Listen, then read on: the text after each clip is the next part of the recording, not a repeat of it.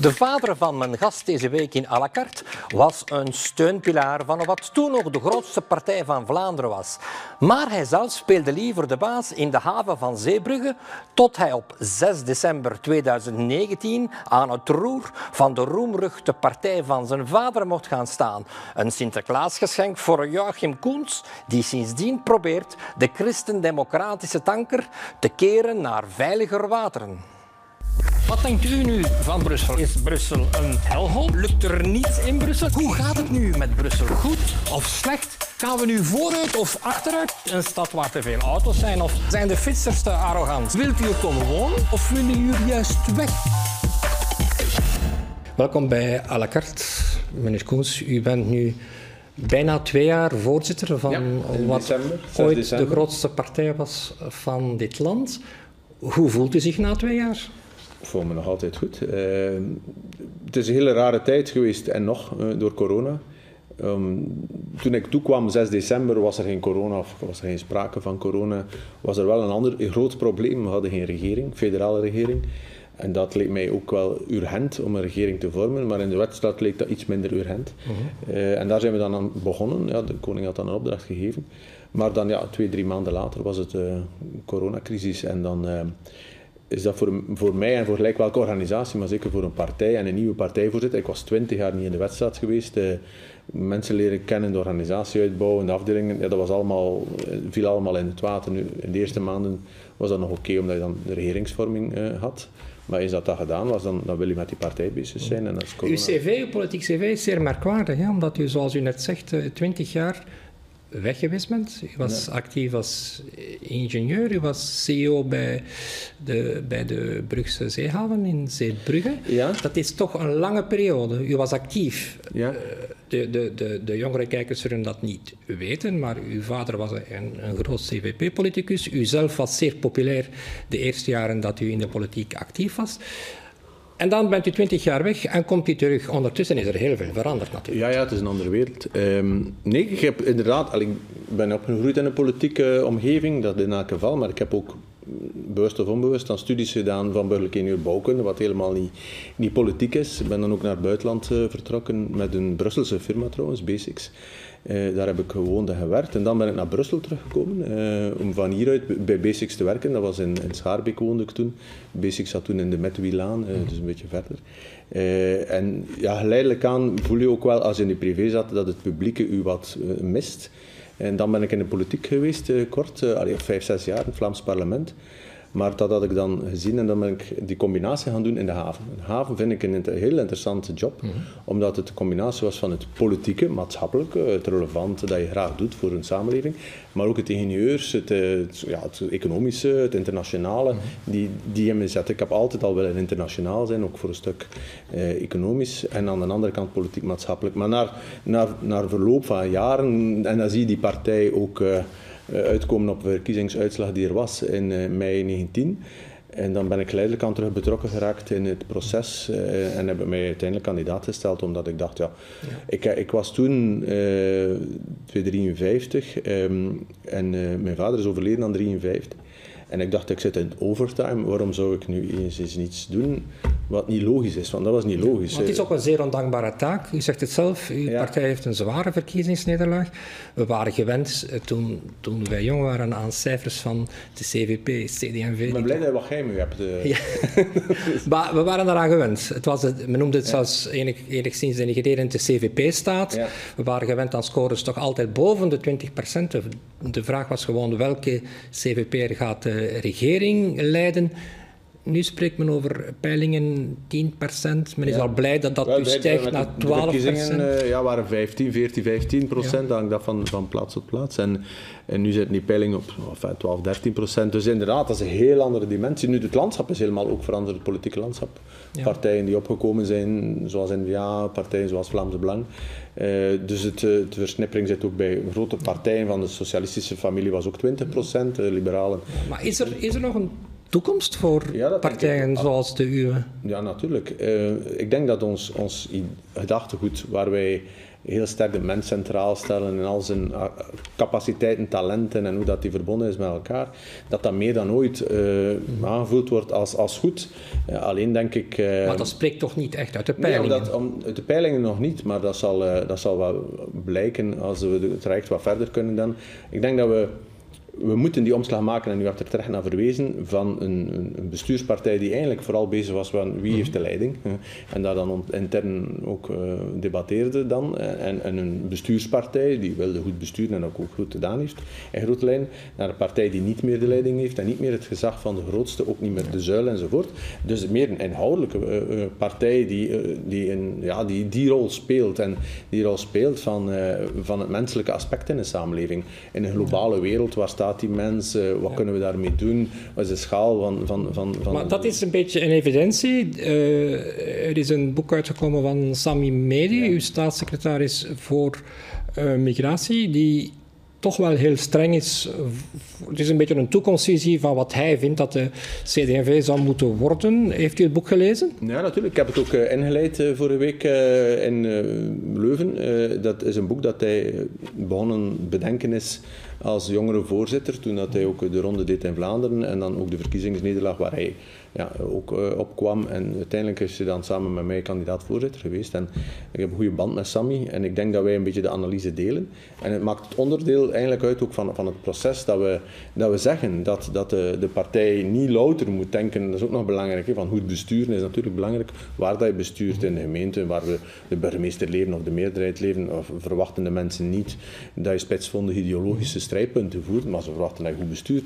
Maar als je in een coalitie, in een federale of een Vlaamse coalitie, niet meer de leiding hebt, dan moet je meer accenten kunnen leggen en meer posities kiezen.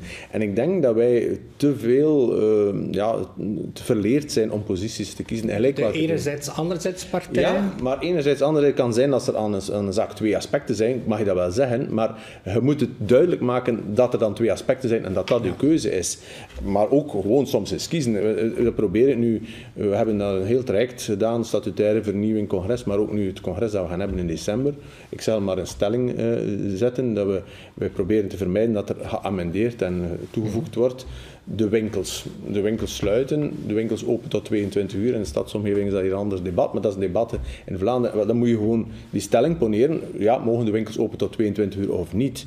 En niet laten amenderen voor te zeggen, ja, in bepaalde agglomeraties tussen, tussen kerstmis en nieuwjaar voor jonge starters, maar niet als er al, en de lokale bevoegdheid mag daar ook nog spelen. Ja, het is ofwel wil het, ofwel wil het niet. En als je het niet wilt, en dan is het ook zo en dan maak je keuzes. En dat is iets dat we, dat we eigenlijk een beetje meer moeten leren, denk ik. En daar zitten we volledig op de lijn, of we zitten samen op de lijn met Sam. Ja. Mhm. Nu, u weet dat er waarschijnlijk misschien een staatshervorming komt. Daar wordt al heel veel over uh, gepraat. U had op een bepaald moment een, een visie voor de toekomst van Brussel en u dacht over een toverformule te beschikken. U wou België om, omschakelen op een soort Zwitsers model. Ja. Die visie heeft niet veel succes gehad, heb ik het gevoel. Dat weet ik nog niet. Ehm, de toverformule heeft te maken met dat inderdaad in Zwitserland men de federale regering, enfin, Zwitserland is een confederatie en een federatie en de termen zitten beiden samen daar in de grondwet. Het is de, de, de federale grondwet van de confederatie Zwitserland. Uh, maar eigenlijk hebben zij een zekere systematiek, een toverformule, om die federale regering samen te stellen. En ik vind persoonlijk, als ik toekwam in de politiek, er was mei verkiezing geweest in december, was nog geen regering en niemand laat er precies van wakker. Dat heeft nog tot oktober het jaar erop geduurd. Ja, ik vind dat, dat is, als er iets is dat de democratie niet kan verdragen en mensen ook niet willen, is dat er verkiezingen zijn en dat er binnen een redelijke termijn nog geen regering is. En dus is het idee dat ik vind dat, dat we een redelijke termijn moeten inbouwen. Dat is een eerste punt. Bijvoorbeeld maximum zes maanden. En dus men heeft de tijd om een regering te vormen. Vindt men dat niet, dan, dan moet men bijvoorbeeld, in België, de Belgische Kamer is samengesteld uit Franstalige en Nederlandstalige regime, dan moet men kijken, is er een meerderheid in de twee taalgroepen die samen een meerderheid kunnen vormen. Een beetje inderdaad, zoals in Brussel gebeurt, waar de Brusselse regering samengesteld wordt uit een autonoom georganiseerde meerderheid van, onder de Franstaligen en een autonoom georganiseerde Uw plan werd nogal slecht ontvangen hier in Brussel aan de Franstaligen, vooral aan Franstalige zijde, maar ook aan Nederlandstaligen. Dan toch een beetje een bedenking. Het leek wel alsof u vergeten was dat er in België drie gewesten zijn. Ja, omdat, uh, ik ben dat niet vergeten, uiteraard niet, maar de Kamer waarover het gaat, is de federale Kamer, het parlement, is samengesteld uit een taalregime, Franstaligen en Nederlandstaligen. Dus heb ik gewoon gezegd, ja, als een meerderheid in de ene taalgroep en de andere taalgroep samen een meerderheid kunnen vormen, dat is een formule die ze dan de kans krijgen om te doen. Na verloop van tijd lukt dat ook niet, dan zijn het herverkiezingen wat mij betreft. maar u weet dat, dat, u weet dat er in Brussel ook een, toch een beetje een identiteit groeit, uh, zowel onder Franstaligen als Nederlandstaligen, een Brusselse identiteit. En ik zal maar wij zeggen, wij voelden ons een beetje gepasseerd in dat voorstel. Uh, omdat het wel leek alsof er een, een, federaal beheer ging komen van dat Brusselse gewest. Ja, wacht, wacht. Dat, is niet, dat heeft niets te maken met het beheer van het Brusselse gewest. Dat ging over de samenstelling van de federale regering. En wat men op dat moment begreep of niet begreep, is dat men dacht dat het een afspiegeling was van de Vlaamse regering en het Waalse gewest. Maar eigenlijk heb ik dat niet gezegd. Ik heb gezegd van de meerderheden in de Kamer die, die gewoon twee taalgroepen zijn. Dus dat is van het federale parlement, wat wil zeggen dat de Nederlandstaligen een meerderheid kunnen vormen die zelfs anders is dan die van de Vlaamse regering, en de Franstaligen ook anders is dan de Franse of de Brusselse uh, regering. Dat heeft eigenlijk niets te maken met het bestuur van Brussel, waar uiteraard, denk ik, uh, wij het regime van een Brussels die een eigen uh, gewest heeft met een eigen uh, bevoegdheid zoals het nu is en wellicht nog kan versterkt worden. Dat is ons model. Dat is trouwens geen uniek model in de wereld. Er zijn vele plaatsen waar een hoofdstad een heel sui generis statuut heeft. En dat is ook in Brussel zo. Uw partij uh, speelt geen grote rol meer in Brussel. Dat is ooit anders geweest. U heeft hier illustere ministers gehad, eh, Jos uh, Chabert, uh, mevrouw Grauwels, om er maar twee te noemen. U zit nu zelfs niet meer in de, in de Brusselse regering aan de Nederlandstalige kant. Hoe is uw uw voeling, uw contact met Brussel? Wij, wij, kunnen niet altijd in de regering zitten, af en toe moet je er eruit. Hè. Bon, dat is eh, voor andere partijen ook, eh, ook zo. Eh, maar wij zitten wel met de enige Brusselse minister in de Vlaamse regering, dus met Benjamin Dalle, die uh, ja, Brussels belangen of de, de behartiging doet van, van, de, van de Vlamingen in Brussel binnen de Vlaamse regering en ook Brussel heel van nabij volgt. Dus ik denk dat wij eigenlijk in die zin uh, zeer sterk betrokken zijn met Brussel. Ik vind trouwens persoonlijk ook, ik heb het daar net in het begin gezegd, ik heb gewoond in Brussel, we hebben er komen werken, we komen er terugwerken. Ik vind een andere situatie als je komt werken dan als je woont. Hè. Echt wonen, dat vind ik een interessante invalshoek. Dus ik vind, uh, Brussel is van iedereen. Brussel is uh, een hoofdstad van Vlaanderen, van België, van de Franstaligen herkennen zich in Brussel. Dus ik denk dat dat ook moet vertaald zitten in hoe dat je Brussel organiseert. Dus je kunt Brusselse hoofdstedelijke West nog versterken, maar ik denk dat ook Vlaanderen ook de Franstaligen in een conglomeraat van, dan moeten ze het eens over eens zijn, mhm. dat de Franse gemeenschap en het Waalse uh, wat, wat samenwerken of, of, of, tot één geheel komen, maar dat die een rol moeten spelen in tegen, Brussel. Tegen het voorstel van uh, Magnet van de PS, die pleitte voor een gewestvorming met vier, kwam dan het tegenvoorstel van uw eigen minister Verlinden. Die sprak over een 2 plus 2, waarbij je in feite twee grote gewesten, Vlaanderen en Wallonië, zal hebben en dan twee mag ik het ondergeschikte gewest ja. noemen? Ja, de, ondergeschikt. Allee, ik, bedoel, ik heb wiskunde, is trouwens mijn lievelingsvak, en 2 plus 2 is ook 4. Dus in die zin moeten we niet over de terminologie spelen. Maar, maar wat er is toch een verschil? Er is uiteraard een verschil. En wat is het verschil? Is, ik vind um, dat de hoofdstad niet, als je het echt in vier zou delen en helemaal autonoom maken en opsplitsen, dan heeft Brussel zogezegd een heel aparte rol. Maar dan zijn die twee grote gemeenschappen die in ons land bestaan, Vlaanderen, de Nederlandstalige gemeenschap en de Franstaligen, staan daar dan helemaal los van. En ik vind, als je een hoofdstad bent van het land, dat iedereen zich daar moet in thuis voelen en dat iedereen zich moet herkennen. Dus er is een gelaagdheid. Brussel heeft een heel beparte eigen rol, je hebt er naar verwezen, omdat ze natuurlijk een, een metropool zijn met heel veel mensen die van alle kanten komen. Mhm. En vooral voor die mensen moet bestuurd worden. Dus een heel, daar moet veel aan gedaan worden om dat bestuur nog te versterken. Maar anderzijds moet ik, vind ik, dat ook de Nederlandstalige gemeenschap, de Vlaanderen, eh, zoals dat nu noemt, en, mhm. en de Waals-Franstalige gemeenschap, eh, die ook zich moeten herkennen in bepaalde zaken in Brussel. En dus, ik vind niet dat, er, dat zij dat, dat moeten loslaten en zich daar moeten uit terugtrekken. Dat is niet mijn, onze stelling. Maar is uw partij niet een beetje een gespleten partij die, die toch een beetje refereert naar het landelijke Vlaanderen? U heeft het heel vaak over de dorpstraat, die voor u belangrijk is. U zegt letterlijk uh, waar Nederlands wordt gesproken, waar de, waar de straten proper zijn. En zegt u ook waar de mensen de kerk nog weten staan. Oei, dat is een liedje, dat ken ik waar ik me van trunnen wou. Ja.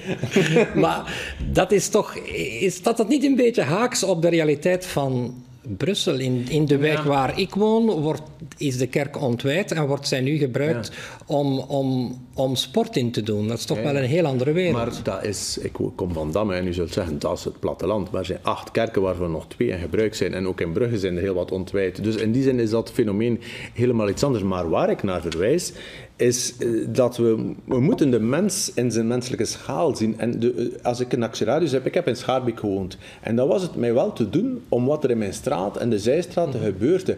En wat was, waar was Elsen of Molenbeek eigenlijk een andere leefwereld. Hè? Dat was natuurlijk deel van het geheel, maar eigenlijk is het daar belangrijk. En we mogen niet te, dat vergeten. En eh, dus als ook Parijs, ook Londen zijn steden, grootsteden die opgebouwd zijn door allemaal puzzelstukjes. En ik vind dat, dat die nabijheid van die puzzelstukjes belangrijk. De straat proper maken en die omgeving. De mensen kennen elkaar in een bepaalde omgeving. De actieradius van, van, van mensen is niet van die aard dat ze, dat dat... Eigenlijk is het belangrijk voor hen, ja, waar een school is, dat is goed, maar het is geen antwoord voor de mensen van Schaarbeek dat er veel scholen zijn in Molenbeek. Hè. Zij moeten scholen hebben in Schaarbeek. Zij moeten uh, nabije voorziening hebben daar. Dus ik vind, dat is het verhaal. En dat is voor de stad niet anders dan voor, uh, ja, voor een voor Brusselse hoofdstad als voor, uh, voor Antwerpen of voor... Maar u weet ook dat in, in, in Vlaanderen er heel weinig, steeds minder voeling is met die, met die hoofdstad.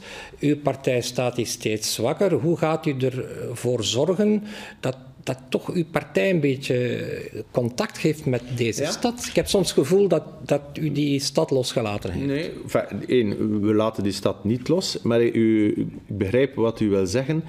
Ik vind dat de stad moet bestuurd worden met de mensen die in die stad leven en wonen. En dus dat is cruciaal voor mij. En in die zin stel ik ook wel vast, en dat is niet alleen voor ons, maar ook voor andere partijen, als ik in bestuursentiteiten, ik heb ook al gezegd, in, in, de Brusselse kringen kom, en dan zie ik mensen die van, ja, van West-Vlaanderen, van Limburg enzovoort komen, zeer goed dat die daar komen. Maar eigenlijk de mensen die in Brussel, dat is een heel diverse gemeenschap, moeten we ook proberen uh, te vatten. Want ik denk dat het besturen moet van onderuit vertrekken vanuit de mensen die er leven. En die moeten we veel meer uh, voelen en beleven. En in die zin denk ik dat dat, dat, dat nabijheidsverhaal, hè, wat, wat ik zeg, een zeer stedelijk verhaal is. Ik heb uh, Hendrik Jan Bakker gesproken, die het boek Nabijheid gesproken heeft. Ik weet niet als die man kent, dat is, een, iemand die ik ben gaan bezoeken in Rotterdam. Iemand GroenLinks, hè, bij wijze van spreken, maar een zeer...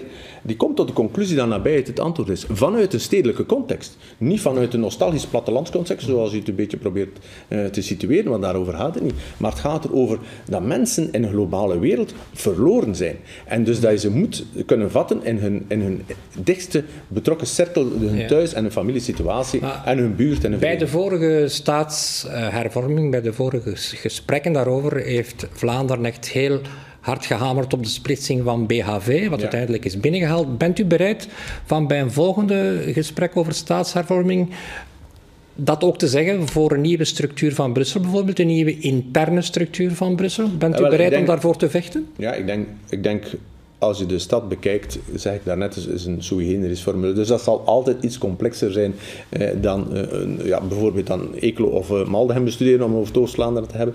Eh, maar wat, je moet het ook niet nodeloos complex maken.